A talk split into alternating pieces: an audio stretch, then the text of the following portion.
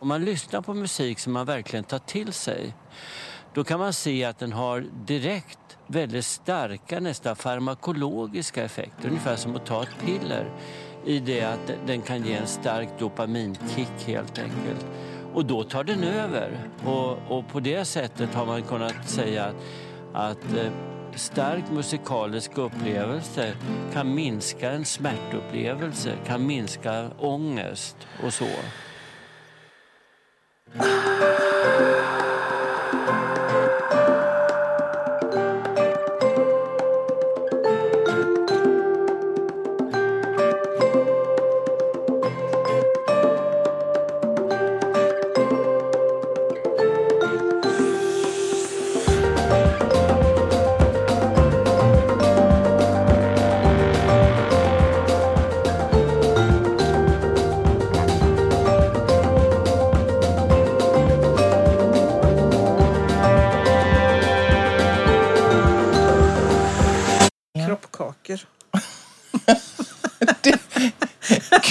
Två kroppshyddor så att sitter där.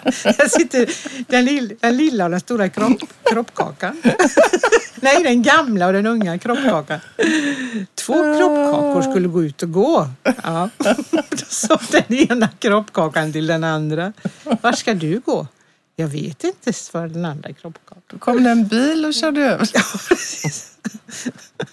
Så blev det bara smulor kvar av kroppkakorna.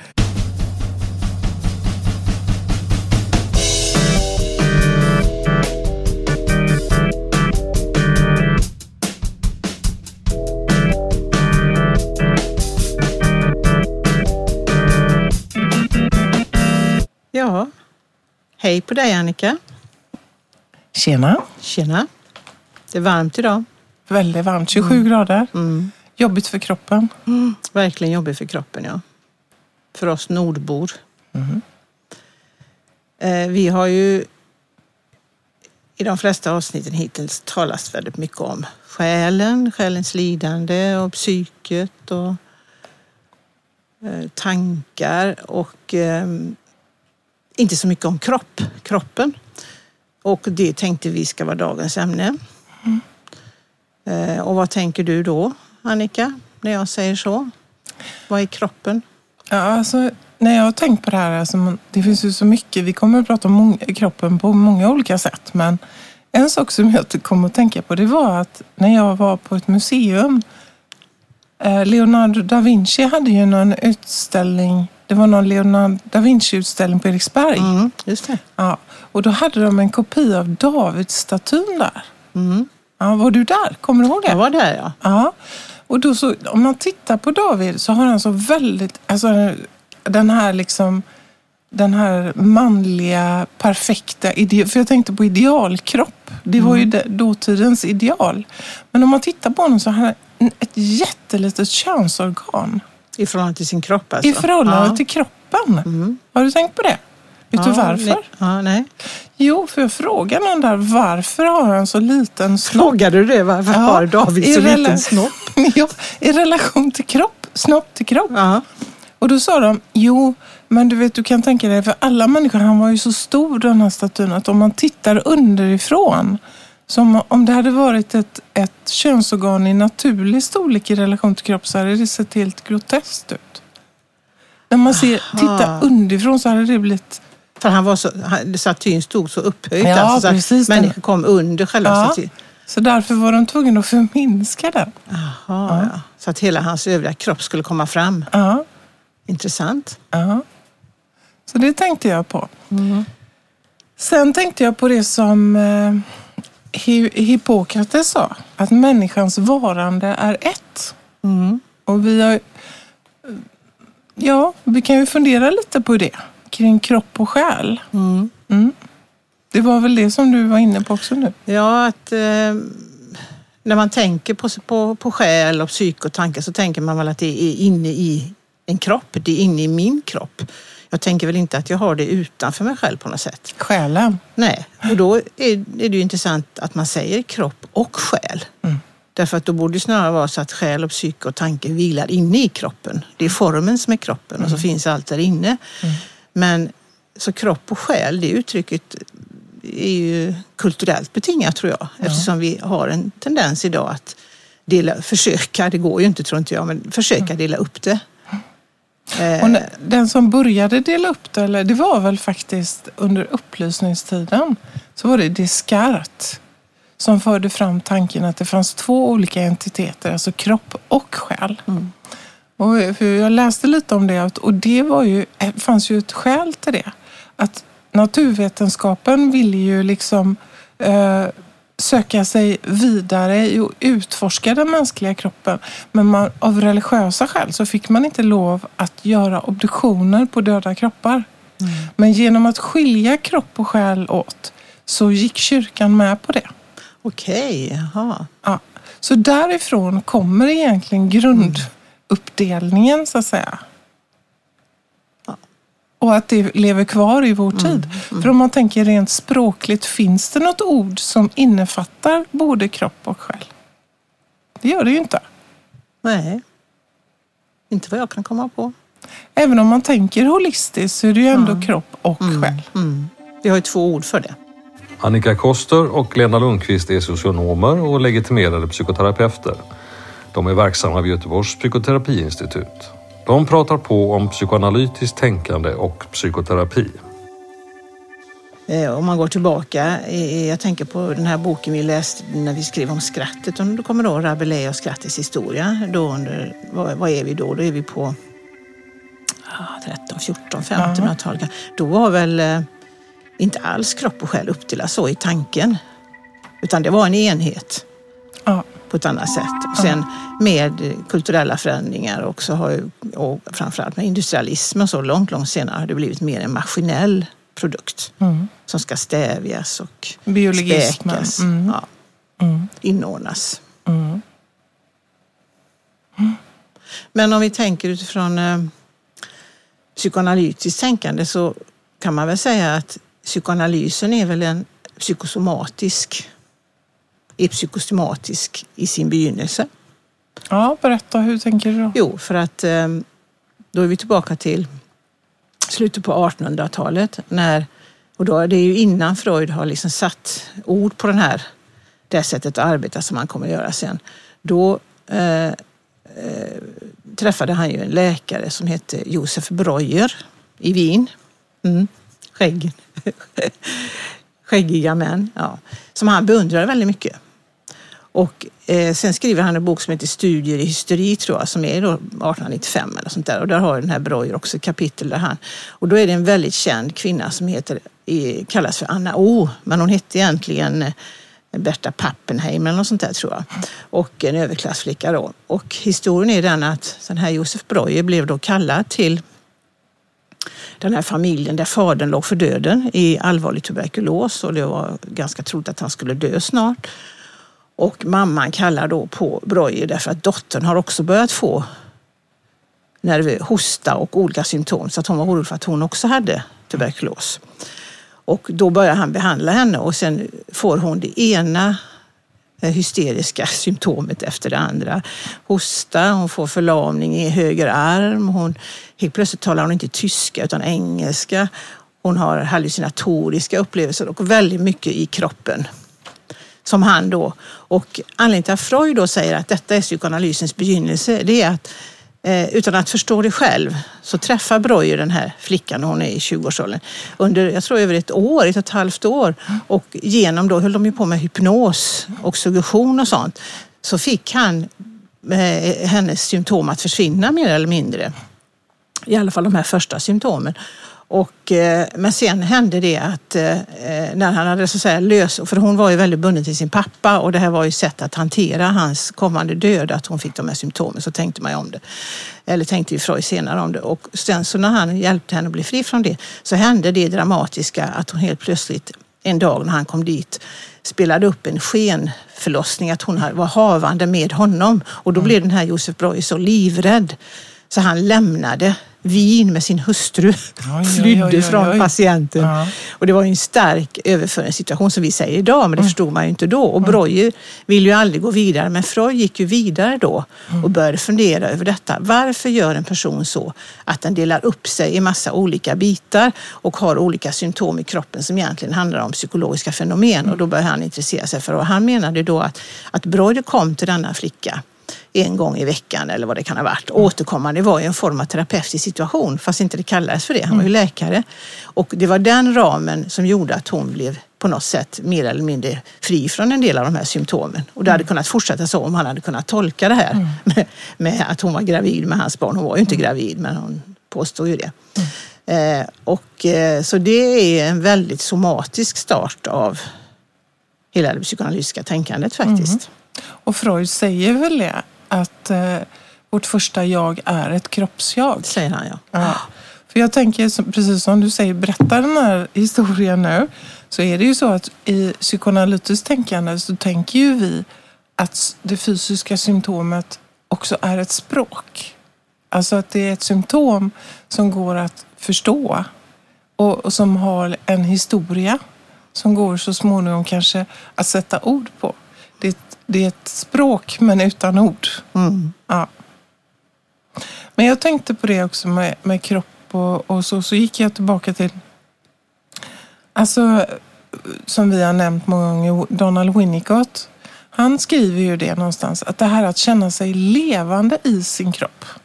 Och att känna sig levande i sin kropp är väl på något sätt att känna den här föreningen av kropp och själ. Det kan vi ju känna eh, han, han skrev någonstans det, att det inte alls, vi tar det, många av oss tar det för självklart att alla känner sig levande i sina kroppar. Men så är det ju inte. Nej. Utan han menar ju på det, han går ju tillbaka till det lilla barnet och, och mamman och hur man har, och mamma och pappa och hur man har blivit härbärgerad. Som ju ger barnet en möjlighet att faktiskt känna av att jag är i min kropp. Och han beskriver ju det att får inte barnet det här tidiga hållandet så kan det ju bli så att barnet utvecklar en försvarsstruktur. Någon slags liksom pseudo-oberoende eller eh, som gör att egentligen, det är ju det som är, barnet skapar det Mm. för att kunna överleva och samtidigt är det det som kanske kommer att hindra till exempel genom stark kontroll av omgivningen eller så. Men som, det är en paradox i det. För samtidigt leder försvarsstrukturen till att man inte känner sig levande. Mm. Men alldeles för Det är stark det priset kontroll. man får betala. Ja. Men eh, det, det, här är, det, det är ju väldigt många som talar om detta, hur viktig den här första mamningen och härbärgeringen är. Därför att då är ju mammas hud lika med barnets hud. Mm. Så hud, huden är ju en ganska mycket somatiseringar kring hud. Och Mm. Det lilla barnet upplever ju sin egen hud genom mammas hud. Mm. Och om det då blir någon störning där, att barnet känner att det inte kan vara nära mamma, då uppstår ju det här som Ester Bick pratar om också, det här second skin formation, att man utvecklar ett försvar mot det. Ja. Mm. Något pansar. Och det kan ju se olika ut eh, naturligtvis vad man gör. Man kan också få massa hudåkommor. Barnet kan utveckla eksem och massa saker utifrån det. För att tala om att det är något som inte stämmer här i, i balansen mellan mig och mamma. Hon, och precis, hon beskriver ju till exempel här att en deprimerad mamma eller en deprimerad förälder kan ju ha en önskan om att barnet ska bli livfullt. Det vill säga hon beskriver situationer där en förälder till exempel kan hetsa sitt barn att visa livskraft. Och på det sättet så blir ju det muskulärt då någon slags pseudo-jag hos barnen. Tål, en jag falsk hade väl en, själv. vin- ett, eh, fallbeskrivning där, Ester Bick, va? men Ja. en flicka som blev som en boxare, som bara boxades hela tiden. Eller muskulärt Ja, ja, då va? ja. Istället för när barnet inte känner att ilska eller frustration Mm. liksom kan ta vägen någonstans, att min känsla tas om hand någonstans, Mm. så blir det kvar i barnet och då behöver barnet skaffa sig det här pansar liksom skyddet av Mm. muskler kanske. Och här tänker jag att vi ser många av barn som agerar ut också i skolans värld eller så, som har faktiskt de här pansaren. Och ibland kan det ju bli, hon pratar om second skin, alltså en andra hud, liksom nästan som elefanthud. Som blir som ett eh, falskt själv då kan man ja, säga. En försvarsorganisation utanför den vanliga huden. Men, men där kan man ju också se att ibland händer det ju, kan man ju höra om organisa hela organisationer som går in i någon slags tredje hud. Mm. Alltså de ska hålla om förälder och barn. Men så börjar det hända där massa saker så det blir liksom ingen hud där heller Nej. som håller samman situationen Man, kring man kan barn. väl säga det att det första jaget är ett kroppsjag, säger Freud. Och sen kan vi gå vidare till Melanie Klein som talar väldigt mycket om att, att eh, barn, att, att vår personlighet grundläggs genom kroppsliga förlopp tidigt i livet. Så att vi säger att det lilla barnet kan ju bara äta och bajsa och skrika. Det är det enda det kan. Det är bara kroppsliga fenomen, det finns ingenting annat. Och i det menar ju Melanie Klein då att det är ju ett sätt, när du äter så tar du in världen, du tar in mamma, du tar in allting, stämningar, känslor och allting. Och när du bajsar så att säga, så stöter du ut det, det som du inte vill ha. Och det här är en sån metabolism då, va? som är psykologisk men som i början av livet är rent fysiologisk faktiskt. Och vi vet Och så- ju med spädbarn att det går nästan rätt igenom. Ja, Antingen att de kräks eller att de bajsar direkt.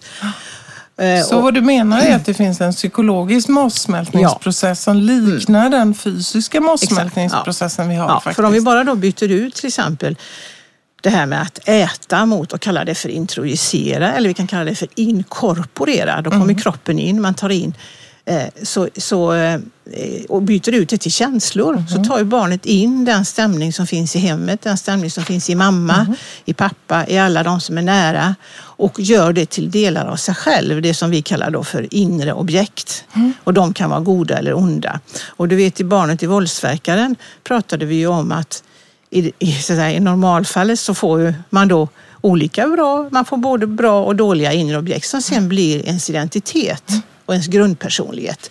Vilket betyder att första tiden i livet är väldigt viktigt på grund av det. Men om vi säger att ett barn är försummat och får väldigt mycket dåligt som det ska äta. Och då kan det inte det barnet bajsa ut allt det om man säger så. Därför att då får det ju ingen personlighet alls. Utan man måste ju behålla någonting för att bygga någon form av identitet. Och då by- bygger man en- en identitet som kan vara väldigt negativ. En oerhört negativ självbild. Jag är dålig, jag är inte värd något, jag, Jag betyder inget. Jag är skit. Va? Och där har vi ju den här metabolismen så att säga. Va? Att om du får mycket dåligt till dig i din omgivning och det inte finns något bra härbärgerande så kan du inte bara kasta ut det eller bajsa ut det utan du måste så att säga, du kan inte vara tom. Det är ju det. Människan kan inte vara tom. Man måste vara något. Mm. Apropå, jag tänker på Hjalmar Söderbergs, du vet den här Ja. i brist på kärlek och i brist på beundran. Man måste, man måste så att säga, man måste väcka något hos den andra, det vill säga man måste vara någonting. Ja. Och då kan man ju, alltså utifrån det också så eh, kan man ju tänka det, för jag kommer att tänka på det när du säger det här med näthat till exempel. Man kan ju tänka den typ, alltså om man känner att man inte är bra själv så kanske man är predisponerad också att lägga ut min skit. Man kan ju faktiskt se näthat som bajs. Mm. Eller hur? Att man liksom Mm. lägger ut bajsklump och bajsklump och Mm. bajsklump. Och att det liksom fyller en funktion. Problemet är när man lägger ut mycket hat. Mm. Det är att det också väcker en paranoia. Att det kommer tillbaka till mig. Mm. Om jag lägger ut så här mycket hat och är så dålig, då kommer jag nog få en, en attack tillbaka. Mm. Så det ökar ju på paranoian. Liksom. Jag, jag, lä, jag läste någonting som Joyce McDowell hade skrivit som var väldigt bra. Hon har skrivit mycket om kroppen, kroppens teatrar och eh, sexualitet har hon skrivit mycket om psykoanalysen. Att den neurotiska personen försöker tämja sina inre monster, alltså de demoner man har. Man försöker jobba med det, man försöker kanalisera det kanske i kreativitet. Man jobbar med det. Den psykotiskt orienterade människan kan inte tämja, så den måste projicera ut. Alltså, och då blir det lätt paranoia, för jag lägger ut min, så att säga, mina monster och mi- mina demoner utanför mig själv och sen så är jag rädd att de ska angripa mig. Och den psykosomatiska personen, la hon till då, alltså den som sätter i kroppen, den har begravt sina monster. Det tyckte jag var en ganska fin bild. Den känner inte av sina monster alls. Den som sätter väldigt mycket känslor i kroppen, som somatiserar mycket. Den känner inte av monstren utan de är begravda i kroppsliga symptom. I att det gör ont och så. Ja, och det är väl där vi, om man nu ska komma in lite på psykosomatik, så är det väl där, jag läste någonstans faktiskt att 40 procent ja, 2010 eller något sånt där, av alla patienter som söker vårdcentral gör det för psykosomatiska symptom. Och, och väldigt karaktäristiskt som du är inne på, det är ju att man har man vill inte prata no om någonting annat kanske Nej. än sin onda mage.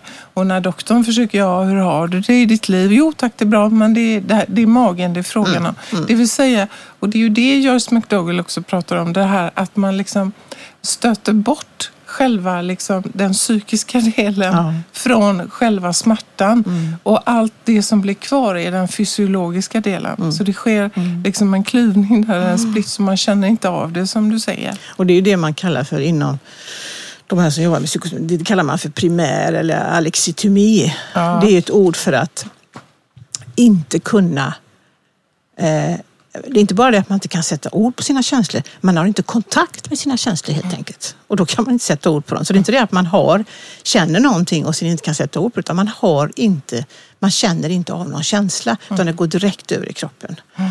Och eh, då, då, brukar man ju prata om att för alla är vi ju mer eller mindre psykosomatiska. Alla har vi ju uttrycker vi oss i vår kropp, tänker jag. Ja, och vid stressade situationer, alla människor, mm. jag menar, tenderar ju röka för mycket, dricka för mycket, äta för mycket, ha för mycket sex. Allt det där, det är ju att, att liksom agera ut via kroppen. Det gör ju alla människor i mm. olika grad. Mm. Och sen har vi också psykosomatiska fenomen som egentligen inte är patologiska. Alltså vi rodnar när vi skäms. Ja. Till exempel vi svettas när vi är nervösa. Vi har ju hela tiden, och panikångest är ett väldigt bra exempel på en, en, rent, en rent fysisk känsla. Mm. Fast den också har en motsvarighet här inne då av eh, hög ångest. Så att kroppen är ju med hela tiden. Mm. Men jag skulle vilja gå tillbaka lite till det här med det lilla barnet. Mm. Om man tänker egentligen när man ligger inne i magen. Alltså redan där, det vet vi, det har ju gjorts en del forskning på hur det är att vara foster inne i magen. Men jag tänker redan där är det ju en väldigt mättad värld av färger, av av liksom, eh, ljud. Man hör ljud utifrån, från magen och så. Och sen när vi föds så kastas vi ut liksom, i denna värld. Och jag tänker att det mejslas, det första kroppsliga som vi introducerar världen av, det är ju som den här också en teoretiker som heter Ancieux har skrivit mycket om det här. Vårt första jag är vårt hudjag. Alltså det är via huden som vi liksom uppfattar det här strävt eller mjukt mm. eller varmt eller kallt. Och alla de här liksom, eh, sakerna vi tar in, de samspelar sen med också det vi känner i ljud och smak och hörsel och så och lukt. Så bildar det en inre värld och huden blir det som skiljer det från den yttre världen. Mm. Han skriver väldigt fint om det tycker jag. Mm. Det är någon sån här, men det är blod och det är slem mm. när vi mm. kommer ut och det mm. luktar på olika sätt. Och det är väldigt varmt och svettigt. Mm. Och sen också själva matsituationen, för man kan ju tänka sig att allt är mat. Mm. Alla samtal är mat. Jag menar, en, en god terapisession är ju som en närande måltid, alltså någonting som man inkorporerar, tar in i sig. Och han beskriver också väldigt fint det här med liksom matsituationen. Jag tänker en amningssituation. Det, här, lite, det kan bli klaustrofobiskt, mm. tänker jag, för det lilla barnet. Barnet läggs till lite fel eller mamman blir nervös. Eller, jag tänker på det, du och jag gjorde ju spädbarnsobservationer när man fick se ja, de här mm. amningssituationerna. Mm. Bara observera hur mamma, mm. föräldrar och barn liksom interagerade kring mat.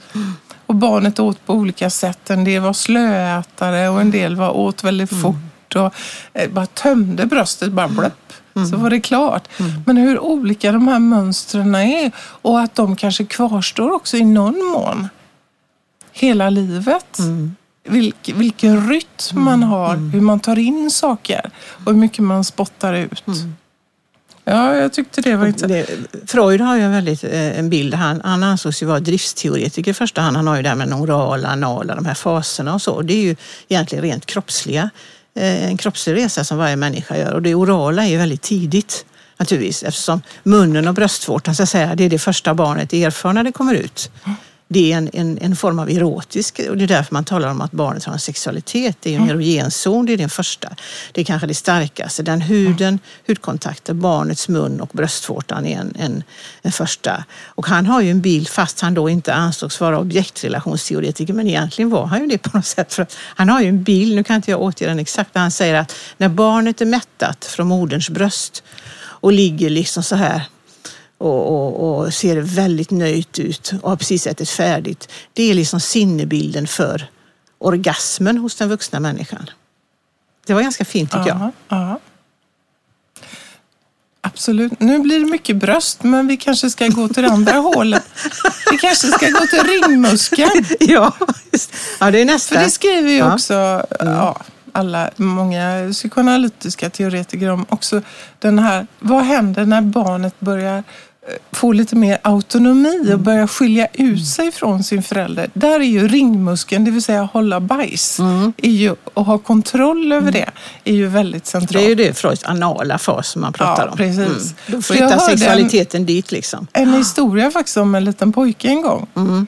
Som, vars mamma satt i telefon och pratade med sin väninna. Och så kom den lille pojken med någonting som han ville ge henne. Och ni vet, en förälder kan sådär förstrött sträcka ut handen. Ja, mm. vad var det? Hej, kvar. Och så fick hon en liten bajskorv i handen. Ja. Och det var hans gåva till mm, henne. För just. nu kunde han kontrollera och han ville ge tillbaka det. Och det, så den perioden där, mm. att med ökad autonomi, den mm. handlar ju mycket om det anala. Det är det eller? första man kan släppa ifrån sig ja. i bajset. Så det får ju en väldigt stor betydelse för barnet som du säger, självständighet och man kan bestämma sig för att, att det är en gåva. Ja. Man kan också bestämma sig för att hålla på det och inte låta det komma ut. Ja.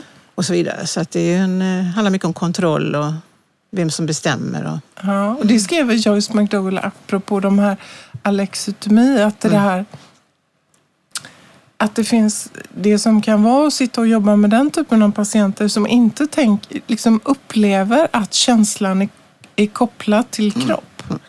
Eller, utan man har bara ont i sitt ben eller så. Det är att det kan bli en väldigt förstoppad tystnad. Det tyckte jag. Ja. Eller hur? Det är ingenting som förlöses, Nej. det är ingenting som integreras. Utan liksom det är själva vidmakthållandet av situationen. För att det kan bli så farligt om man kopplar ihop kropp. Ja, och det är något väldigt statisk, ja. något statiskt över det. Och eh, det är olika personer som pratar om, och det vet vi själva också, personer som håller på mycket med och har den här problematiken, de söker i och för sig sällan terapi. Ja. Därför de vill ju inte koppla ihop det med själen eller med sitt tänkande. Alltså det är en del och även föräldrar till sådana barn söker inte heller hjälp i terapeutiska eh, lokaler så att säga, utan man tänker att det, det är något med kroppen. Men när man har, om man har en sån patient så vet man att det kan bli ganska torftigt och ganska tungt. Därför det, det förlorar ju färg. Ja. Om man bara håller på med ett symptom. Vad ska man prata om? Och eh, det är ju inga, det är inte lätt att få ett flöde. I, i... Fast man, ibland kan man ju då, om man, om man får in en sån patient i rummet så kan man ju ibland förnimma den här oerhörda liksom skräcken för att översvämmas av all smärta mm. som man kanske har hållit borta mm. på det här sättet. Mm. Och hur farligt det är mm. att närma sig. Mm. Och det är kanske därför det blir den här förstoppade eh, tystnaden också. Ja, därför att, att det, när det är väldigt mycket somatis, en person som somatiserar väldigt mycket och sätter, och den här, då är man ju väldigt rädd för sina själsliga skrymslen. Man är väldigt, väldigt rädd för vad man har och det är smärta man är rädd för naturligtvis. Och, den, och det kan ju handla om att man har väldigt mycket traumatiska upplevelser med sig som man inte orkar närma sig. Och det har jag faktiskt eh, erfarenheter av att jobba i terapi med, med personer som kanske har varit utsatta för övergrepp, våld eller sexuellt mm. tidigt och så. Att man, den, sådana personer kan få ont i olika under terapins gång mm. kan få ont i olika delar av kroppen som på något sätt har varit liksom involverade eller mm. kanske man har försökt rädda sig eller ta bort den. Alltså få ont i armar, få ont i ben, få ont i underliv. Ja, på olika sätt så kommer det här traumat att sätta sig på olika delar, nästan som vandrar runt mm. i kroppen. Mm. Man, man pratar mycket om att det finns de här primärt primära lexitymi, det är sådana som väldigt tidigt, ofta då tidigt i livet har fått mycket traumat, alltså som har satt i kroppen och det är naturligtvis en svår problematik. Man fortsätter på samma sätt. Men så finns det ju några som pratar om sekundär alexitomi och det är något som var och en av oss kan råka ut för om vi blir väldigt överbelastade av svårigheter i livet. Så, så måste vi kanske ibland, för det är att stänga av känslodelen. Mm faktiskt. Lägga bort den. För man orkar inte. Det är för kraftfullt. Alltså man, man kan råka ut för en livssituation som är så svår. Mm. Och det, då, kan man ju, då kan man ju naturligtvis så småningom återgå till en, en annan situation. Men då kanske, så det är ju sätt att hantera väldigt starka känslor. Det får man ju ha respekt för att de som har den här somatiseringen har ju också med sig svåra upplevelser förmodligen. Eller dåligt hållande tidigt i livet. Ja. Nu måste vi komma ihåg i och för sig att när man kommer till oss så är det alltid så att om man har upplevelser, har mycket fysiska symptom så rekommenderar vi ju alltid att man först går till doktorn. Mm. Så man utesluter liksom sjukdomar som också bör behandlas på ett annat sätt. Så mm. att man inte hamnar i en situation där man tänker att allting kan eh, åtgärdas med terapi. Det här är ju väldigt viktigt att säga att, att alla precis som med, med, med, medicinen idag kanske pratar för lite med sina patienter om hur de har det i livet och så, utan bara håller på med kroppsdelen, så får ju vi inte heller göra det andra, att vi psykologiserar. Eh, självklart inte, utan man måste ju lyssna på smärtan oavsett om den är kroppslig eller själslig egentligen. Och hoppas på att patienten själv då så småningom gör den kopplingen om det är så att den är undersökt och det inte finns något fel. Att man själv på sin resa så att säga, börjar fundera. Mm. Det är inte vi som ska göra det. Mm. Absolut inte. Mm. Nej, det är viktigt. För då skuldbelägger man ju patienter. Ja. Då skuldbelägger man ju någon. Du, du snackar om att du har ont. Mm. Och för jag menar ont, alltså har man psykosomatisk problematik som är allvarlig så har man ju ont. Även om inte det finns mm. någonting att se. Det finns ingen skada man kan hitta så har man ju ont, lika ont som om man... Så det, man kan ju aldrig ifrågasätta det på något sätt. Och sen, eh, sen kan det ju vara så, jag kommer ihåg en patient som var fullt fysiskt frisk men så kan det också vara att man bär en längtan om att vara skadad eller sjuk så att människor ska förstå. Mm. Att det ska synas i det yttre. Den här patienten kunde beskriva för mig ibland en drömmar och en längtan efter att få sitta i rullstol. Mm. Så att människor skulle förstå hur ont det mm. gjorde inuti. Mm. För det var så svårt att liksom beskriva känslan av hur ont det gjorde. Det fanns liksom ingen brygga mellan patienten och omvärlden i det. Mm. Så det enda liksom lösningen på det som hen kunde se skulle ha varit, åh, om jag hade kunnat få sitta i rullstol. Så hade man alla verkligen sett. Ja, precis. För det, det får man komma ihåg att det är ju en sekundär vinst i att när man är sjuk så blir man ett offer och då blir man behandlad som någon som det är synd om och man tas om hand och man får kanske den värme och kärlek man längtar efter. Så att det kan ju innebära att man inte vill släppa ja. sin somatisering. Absolut, så mm. kan det vara.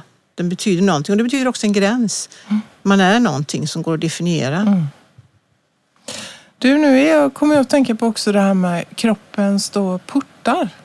Mm. Kroppen har ju portar, alltså ja. våra munnar, öppningar. Mm. alla öppningar, mm. anus, ögon, öron, allt det där. Va? Och alla de här utsöndringarna har ju alltid varit eh, tillskrivits olika egenskaper, eller hur? Ibland, jag tänker inom religionen har det ju varit en eh, I varje kyrka finns det ju, eller i alla fall katolsk kyrka, så finns det ju reliker, bitar av hår, bitar, mm. sånt som liksom som är eh, ja, som man betraktar som heligt, alltså kroppsdelar av någon helig mm. person. Men jag tänker också på det här med mens och, mm. och så. Och då gick tanken iväg till det här med menskonst. Mm. Just det. Eller hur? Liv Strömquist gjorde mm. ju något seriealbum mm. om, mm. om män som man satte upp mm. i, i, Stockholms mm. tunnelbana och det blev ramaskri mm. från vissa håll och sådär. Va? Att just det här med kroppens utsöndringar och bilden av den rena kroppen som inte utsöndrar liksom skit. Eller som man, det, men skulle vara ja. något fult eller Precis, det kanske är ingen slump att det har dykt upp nu. Det kanske är någon form av protest mot att, har det inte blivit, om vi ser på vår kultur idag, är det, en, är det inte en väldigt luktfri kropp framför allt. Ingenting får lukta ju. Och det betyder att alla utsöndringar måste stävjas på olika sätt. Tvättas bort och, eh, Mm. och att det är, är, en... eh, nå- måste ju vara någon tanke om någon idealkropp. Ja, tillbaka till David-statyn på något Mm. sätt. Bilden av en ren eh, idealkropp. Mm. Ju som bara är en fantasi. Men den kanske också syftar till, både inom vissa politiska eh, sammanhang och så, att det finns en tanke om det rena och det smutsiga. Väldigt mycket kopplat till kropp, har jag, tänkte jag. Mm. Alltså jag tänker inom Nazityskland så var det den smutsiga liksom, judiska befolkningen. Smutten i tidningar och så framställdes ett smutsigt vis i, i relation till den ariska idealkroppen med stora hakor. Och, ja, att det finns någonting som också kan, kan liksom användas på det sättet. Mm. Då kommer jag att tänka på nu att eh, det blir ju väldigt stängt då. Alltså om vi tänker att vi har en kropp idag som absolut inte får utsöndra något genom sina porer. Det får inte lukta svett, det får inte lukta något, det får inte komma någon mens, inget kiss, inget bajs, ingenting, inget snor, ingenting får komma ut. Då har vi ju, eh, då tänker jag mig en väldigt stängd kropp. Och då kommer jag att tänka på, eh, Wilfred Bion har ju väldigt fin han har beskrivit något som man kallar för kontaktbarriär. Alltså kontakt plus barriär, alltså det, det är motsägelsefullt. Va? Och då menar han att om man ska må riktigt bra och ha ett välbefinnande, då måste man ha en kontaktbarriär mellan medvetet och omedvetet. Det måste röra sig där hela tiden. Det får inte vara stängt. Stänger du helt så har du ingen kontakt med med känslor eller dina drifter eller krafter. Som du, och det här är ju ett sätt, en, en kroppslig bild av att stänga känner jag. Vad är det man stänger in? Kan man fråga sig då. Genom detta, den, den livsstilen. Vad är det man stänger in? För det är inte så att man släpper ut någonting. Jag plötsligt tänkte jag att det är, så att det är en beskrivning av den rationella människan som är mer en maskin Ja, än en precis. varelse. För är- om det omedvetna och medvetna rör sig fram och tillbaka då är det mer liksom då är vi mer lösliga i kanterna och eh, har inte den... Det var bara en association jag fick Ja. nu, eh, att det är en, eh, någon slags rationalitet kopplat till det. Och kanske det här med kropp och själ. Det är bara kropp, det går att dela på. Ja. Nej, det går kanske inte då egentligen, men man tänker, det finns en idealiserad version av människan. Tungan bor i munnens slott med tjugo tandsoldater. Där väntar den på något gott, på prinskorv och tomater, på blåbärspaj och biff med lök. Där väntar hela dagen och allt som kommer på besök får åka hiss till magen. Ur Kanel och kanin av Ulf Stark. Men du, ska vi gå in i terapirummet? För vi känner ju väldigt, väldigt massa med våra kroppar. För Ja. jag, när jag tänkte på det här liksom, och läste lite om ansiös så skrev ju han... Alltså dels är det ju här att när man sitter och jobbar i ett rum så är, använder ju vi oss väldigt mycket av våra kroppar. Mm. Vad är det jag får för känsla i min kropp? Blir, känner jag mig sömnig? Känner jag mig upplyft? Blir jag, får jag ont i magen? Alltså allt det här. Och någonstans min känsla i rummet och sen mitt tänkande som gifter sig förhoppningsvis med mitt tänkande om vad som kan tänkas pågå i rummet är ju en del av vårt arbetsinstrument. Och Ansieux skriver också väldigt fint om det här med beröringsförbudet. Ja, just det. det är Apropå intressant. kropp. Mm. För inom vårt sätt att jobba så rör ju vi inte våra patienter. Nej. Eh, och han skriver väldigt eh, fint om det. Det här att, att, att inte locka in patienten i en symbios. Utan att liksom beröringsförbudet, att vi inte rör våra patienter betyder att man liksom gynnar den delen av personligheten som kan gå ut på sina egna ben. Mm. Jag-funktionen, så att säga. Ja, Mm. precis.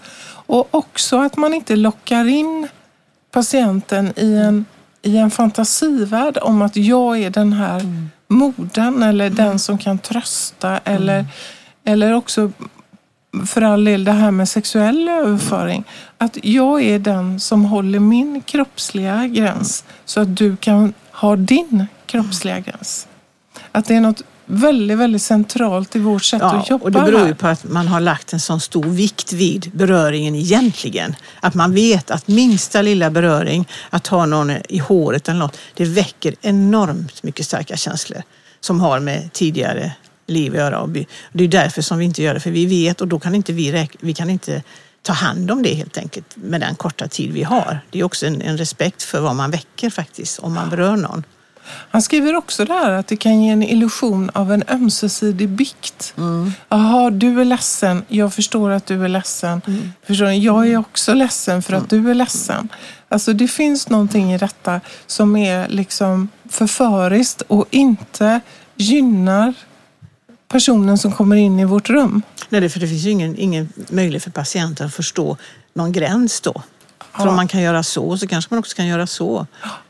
Och som också signalerar att jag som terapeut står inte ut med den smärta som väcks. Om, en, om man sitter och någon, den man jobbar med, patienten kanske är väldigt ledsen eller sorgsen eller så.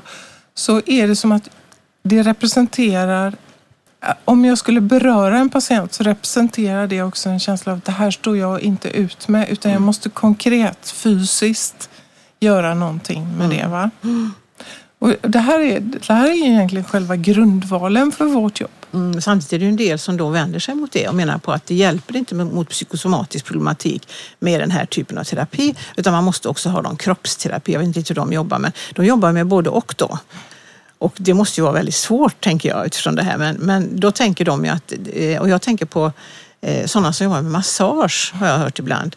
De är ju helt, har ju inga en terapeut i skolan, de jobbar ju bara med, då har, har jag hört berättelser från sådana personer att de har råkat ut för att patienten har brutit samman. Det har liksom det varit någon del av kroppen som har masserats som helt plötsligt har, har lossnat någonting som har med känslolivet att göra. Att helt plötsligt börjar storgråta eller någon form av väldigt stark känsloutlevelse mitt under massagen. Så att på så vis, och om vi skulle göra det, det är ju ett ansvar. Och det är, är väldigt, eh, tänker vi, farligt att ta på sig det för det är inte säkert att eh, Nej, den här gränsen är viktig för att patienten ska ha sina jag-funktioner och inte regrediera för mycket helt enkelt, för det är det som händer. Det blir en kraftig regression. Och börjar att det är vårt lyssnande och Ja. vår uppmärksamhet som är själva hållandet. Att vi vidrör psyket utan att vidröra kroppen. Det är ju det som är själva liksom Ja, och är det så innehållet. att du har en psykosomatisk problematik så är det också den resan du måste göra. Att så att säga från det här att somatisera till att bli mer symboliserad och så småningom hitta ord för det. Och då kanske, för det finns ju jättemånga exempel på att människor blir av med en hel del kroppsliga besvär av psykoterapi. Det finns det ju jättemånga exempel på. Genom att tala, lära sig tala om känslor helt enkelt. Och det kan vara en lång resa om man Ja. aldrig har gjort det. Ja. Men nu är vi inne på och, och i terapirummet. Och då, alltså jag kommer ihåg eh, här, när, vi, när vi eh, gick i utbildningen så fanns det ett begrepp, projektiv identifikation, som vi har pratat om här också. Alltså att man blir bärare av någon annans känslor som den inte riktigt är i kontakt med. Men jag upplever dem som de är mina egna. Alltså att det man kan säga att man placerar en känsla i någon, någon annan och den kommer upplevas som den är som det är den som är bärare av det. Och det här, jag kommer ihåg vi pratade om det här begreppet och för- jag förstod ingenting av det. Tills jag satt i terapirummet och ord blev kropp. Det vill säga att jag förstod med min kropp hur det kändes inuti. Vad det faktiskt betydde. Och det tog ganska lång tid. Så det är ju så att ord blir kropp. Ja, vi har ju, det är vår motöverföring, där har vi ju jättemycket information att hämta om hur patienten egentligen mår. Men när patienten inte har förmåga att sätta ord på det så sätter det sig i vår kropp istället. Man kan känna sig arg, man kan känna sig väldigt tyngd, deprimerad, tung och eh, väldigt mycket som kommer direkt så att säga. Det är den maten som vi får, som vi måste ta emot och, och, och, och eh, Ja. smälta på något sätt faktiskt. Jag tänkte på det här med kroppen. Alltså kroppen har, det finns väldigt mycket metaforer kring kroppen som är väldigt intressant. Apropå det här med att vi pratar om ett hjärta som kan vara kallt och eh, man pratar om varmblodiga människor och kallblodiga, men alltså blodet. Alltså vi använder ju hela tiden metaforer i språket som säger någonting om att vi vet eller vi tänker att det hör ihop. Och även svordomar. Ja, Ja, skit, jävla ja skit. skit på dig. Ja, precis. Och även eh, liksom sådana här talesätt jag läste någonstans. En god avföring är den bästa huvudkudden. Just det. det låter ju lite äckligt. Om man Ja. men, du, men även de här uttrycken, att tugga i sig saker. Ja. Att försöka smälta någonting. Eller det var, hår, det var svårt att smälta. Eller det finns ju mängder av, av eh, ord bild, i bild, bildspråk som talar om det här att det hör ihop. Så att säga. Och modersmål är det finaste tycker jag. Modersmålet det är ju mammas språk som då blir mitt språk. Men det är också ett mål mat från mammas bröst faktiskt. Eller hur? Ett modersmål, det kan vara ett mål mat. Jag har varit inne jättemycket på det lilla barnet, men jag tänker också, Joyce McDougall skriver ju också en del om, om sexualitet kopplat till egentligen den här, från början den här kannibalistiska situationen när barnet äter, lilla spädbarnet äter, att äta eller ätas Ja, på något sätt, ja. att det finns där. Och hon, hon pratar ju också om det, att varje liksom, Hon kallar det för en kannibalistisk period Ja, ja livet. precis. Det Kannibal- tycker jag är bra ord. Men just det här att alla sexuella möten innehåller ett visst mått av infantil ångest, det vill säga det lilla barnets ångest. Och jag läste också Ludvig Igra skrev väldigt fint om det, om det här med kärlekens skugga. Alltså att i varje kärleksförhållande så finns den här infantila ångesten med. Och det måste finnas för att det erotiska livet ska ha liksom ett stråk av någonting fientligt. Inte för mycket, men just det här äta eller ätas eller så. Och att det finns med. Och något hemlighetsfullt som inte... Och, och då, han skrev, han skrev det väldigt fint det här med hur beskrev, nej, han beskrev att det är en, en, brytpunkt mellan det hemlighetsfulla och det välkända på något sätt. Va? Och det är där liksom sexualiteten finns också. Och att det finns ett försök till lösning i den vuxna sexualiteten. Det här äta eller ätas. Att det finns ett sånt moment liksom. Och ett försök till upplösning av det i då mötet med en annan vuxen senare. Och det betyder ju också att det finns ett mått av aggressivitet i all Ja. erotik som Ja. man inte får, som inte kanske ska vara där. Nej. Som kanske ska vara där. Det är inget fel. Alltså det, det, det här, de här polerna måste finnas. Ja. Det kan inte bara vara gulligt så att säga utan det måste finnas något lite, någon skugga, något mörkare. Något mer Ett aggressivt. stråk av för, ja. eh, fientlighet för att egentligen upphetsningen ska kunna ske. Va? Han, och det, det- ja, det är intressant. Men hon skriver ju väldigt mycket mer intressant. Joyce McDowell skriver ju väldigt intressant om det här med, med och det var ju inne lite grann på i Mamma, pappa, barn så, eller det här med monosexualitet. Att liksom den här kränkningen att behöva, behöva, behöva liksom eh, behöva ta att man inte kan vara både och. Att människan egentligen är bisexuell. Att man vill ha allting. Och man vill vara allting. Va? Det är också ett dilemma och hon menar ju att att det är, ju, det är naturligtvis en, en, en, framförallt en problematik under adolescensen som det lever kvar hela livet. Att det inte är så enkelt att man bara är homo eller hetero som hon menar, utan man har hela tiden de här. Och det berikar som hon säger väldigt mycket det sociala livet. Alltså, eh, och kreativitet och så vidare, att man har den här rörelsen.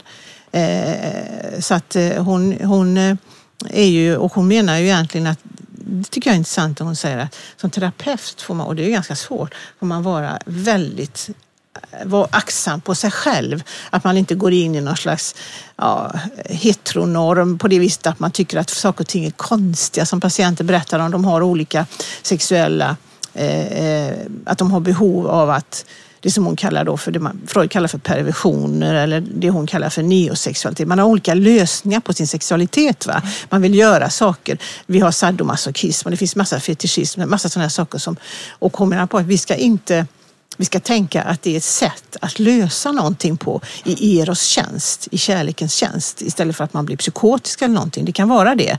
Och därför ska vi inte eh, ha någon eh, tanke om att det är något eh, sjukt eller fördöma det om det inte är sånt som är stadgat i brottsbalken. Ja, säger gör människor skada Ja, som gör människor skada och det vet vi vad det är. Va? Så är det väldigt, väldigt viktigt att människor kan förlösa väldigt mycket genom sin... eh, Det kan vara traumat och allting som man löser på det här sättet. Men det skriver ju um, Igra också om, apropå den här lilla fientligheten som måste till för att det ska ske en upphetsning i relation till en partner, så skriver han ju också det att att när, när den här fientligheten tar över, Mm. Då blir det i sig en erotisering av hat. Mm. Och det kan man ju se i många olyckliga par som man möter mm, på våra mm. jobb. Att, att, att vara olycklig och att anklaga varandra och att liksom vara kvar i Mm. Hata, hata. bitterheten Mm. och inte gå, lämna varandra. Det är också ett sätt att idka erotik. Fast det gör inte parterna så gott. Va? Nej. Nej. Men du, nu, apropå, jag tänker, det, det, är så många olika delar med kroppen som jag kan tänka på. Men vad kan vi tänka också det här med corona och socialt avstånd och kroppar? Ja, visst, visst. Eller hur? Vi får inte, ska ju inte vara nära varandra nu. Va? Nej, nej. Och då tänkte jag på, för jag läste, det finns en folkhälsovetare som heter Carl Goffin som har beskrivit det här med, alltså när det händer sådana här saker så, så det finns en segregation rent fysiskt i vårt samhälle, eller hur? Vissa kroppar ska vara där, andra kroppar ska vara där. Han beskrev också så här, under sådana här tider som corona i vissa länder, han tog São Paulo som exempel, så finns det också en vertikal segregation. Att de rika, det, de, São Paulo, visste du det? Nej. De har världens största helikopterflotta. Nej. Jo, så eliten, de rika, de flyger Aha. dit de ska. Så de behöver aldrig liksom...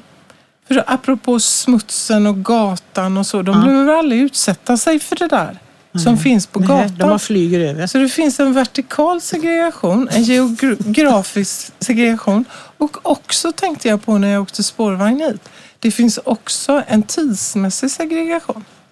För att pensionärer, när åker de till exempel? De åker när det är gratis. Ja. Det vill säga de tiderna. Men de som bor i, i ytterområden som har liksom måste jobba fem de åker in vissa tider, sen åker medelklassen andra tider. Så det finns inte ens, det är till och med segregerat tidsmässigt i de här stora städerna. Tyckte jag var intressant Ja, att kroppar rör sig åt Ja, olika det är håll. Mm. Och kroppar har olika möjlighet Ja, att hantera det här med corona naturligtvis. ja. Och vilka drabbas då? Jo, det är ju de som inte kan skydda sina kroppar och jobba hemifrån. Och, Eller hur? För det här har ju verkligen satt fokus på kropp Mm. Och liv och död. Och apropå skinhunger så finns det väl de som lever ensamma som har ännu mer skinhunger som du pratade om förra gången nu Ja. eftersom de inte ens får krama sina vänner då. Det är ju, eh, som lever ensamma menar jag att det har blivit väldigt eh, tufft för vissa personer och gamla också naturligtvis.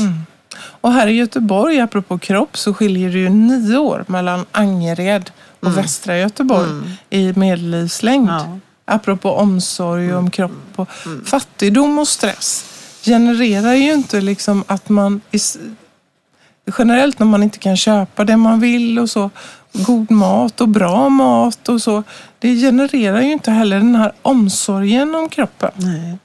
Och jag eh, går- vill gå över till tänka på en annan sak som jag läste apropå, jag kommer att tänka på Folkhälsomyndigheten nu med corona. Jag läste eh, snabbt igår om siffror kring barn och psykosomatik och det var väldigt alarmerande också förstås. Eh, Att det har ökat sedan 80-talet något otroligt. Alltså det är över, över 50 procent av alla flickor eh, 13, 14, 15 har alltså mer än två gånger i veckan psykosomatiska symptom. Och det som var alarmerande nu var att det hade ökat väldigt mycket hos 11-åringar. Så det går alltså neråt Ja, i det åldern. läste jag också. Mm. Ökat jättemycket där. Och framförallt är det flickor har mycket mer än pojkar då. Eh, och det är mycket mer än i andra nordiska länder till exempel. I och vi ligger högt i och- hela, alltså vi ligger jättehögt där och det är ju det är ju alarmerande. Och det jag skulle lägga till var på det du sa, det var att och man hade en, om det fanns eh, ekonomisk problematik hemma, det vill säga fattigdom också, så förstärkte det ytterligare. Det var en faktor som slog ut också väldigt tydligt, att barnen fick ont i kroppen på olika sätt. Så det är väl förmodligen mage och sånt där, huvudvärk som jag kan tänka mig. Jag läste inte, läste inte exakt vad det var för symptom, men det är en enorm ökning då. Ja, det är oroande. Över hälften vet du, av alla i lägre tonåren, det är ju mycket flickor. Och hur ska man tänka? För det här, det här, det här, nu är vi inne på det här lite, men det här visar ju också sprickan i välfärdssamhället. Mm, ja. Och här tänker jag också på de äldre. För hur är det för en gammal dement person att inte någon tar i dem? Ja. När man är dement så är ju det kroppsliga är ju väldigt viktigt. Lugnande och hållande och så. Det gör de ju så. Men jag tänker, vad representerar det att vi har behandlat en grupp i samhället så dåligt? Att vi inte har liksom lagt ekonomiska medel på det så att de gamla har kontinuitet till personalstyrkor. Att vi ser till att de har löner så de stannar kvar. Jag tror att, apropå kropp, så tror jag att det också representerar alltså bilden av den gamla skröpliga kroppen i ett samhälle där det friska, det unga, det liksom eh, eh, produktiva är det som är ledstjärnan. Det tror jag har med detta att göra. Nästan som en liksom förnekelse av den tid som kommer i alla våra liv. Ja. Att vi kommer att bli gamla och dementa. Mm. Så det, det finns någonting vi hoppas, kan hoppas. Och det kanske är så att att det det, är mycket fokus. viktigare. Om man nu förhoppningsvis tar sig en funderare från de som har möjlighet att bestämma hur man ska ha det med åldringsvård. Så det kanske är mycket viktigare med de här aspekterna med personalkontinuitet, med personer som kan sitta vid och prata en stund, klappa lite på armen. Det kanske är viktigare än en hundraprocentig perfekt sjukvård till exempel. För det, det här är också en fråga. Vad är det som Mm. är viktigt?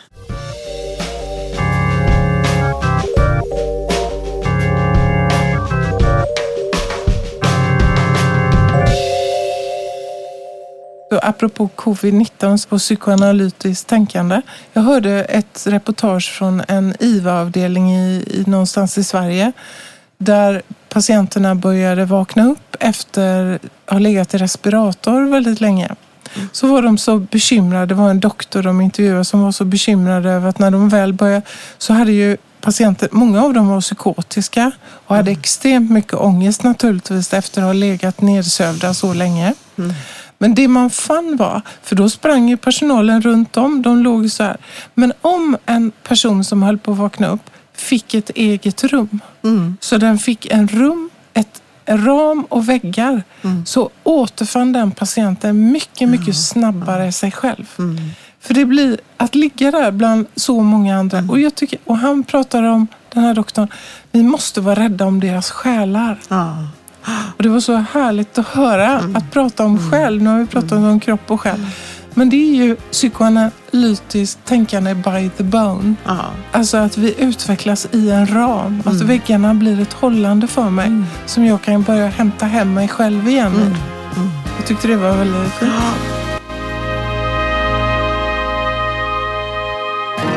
So much bolder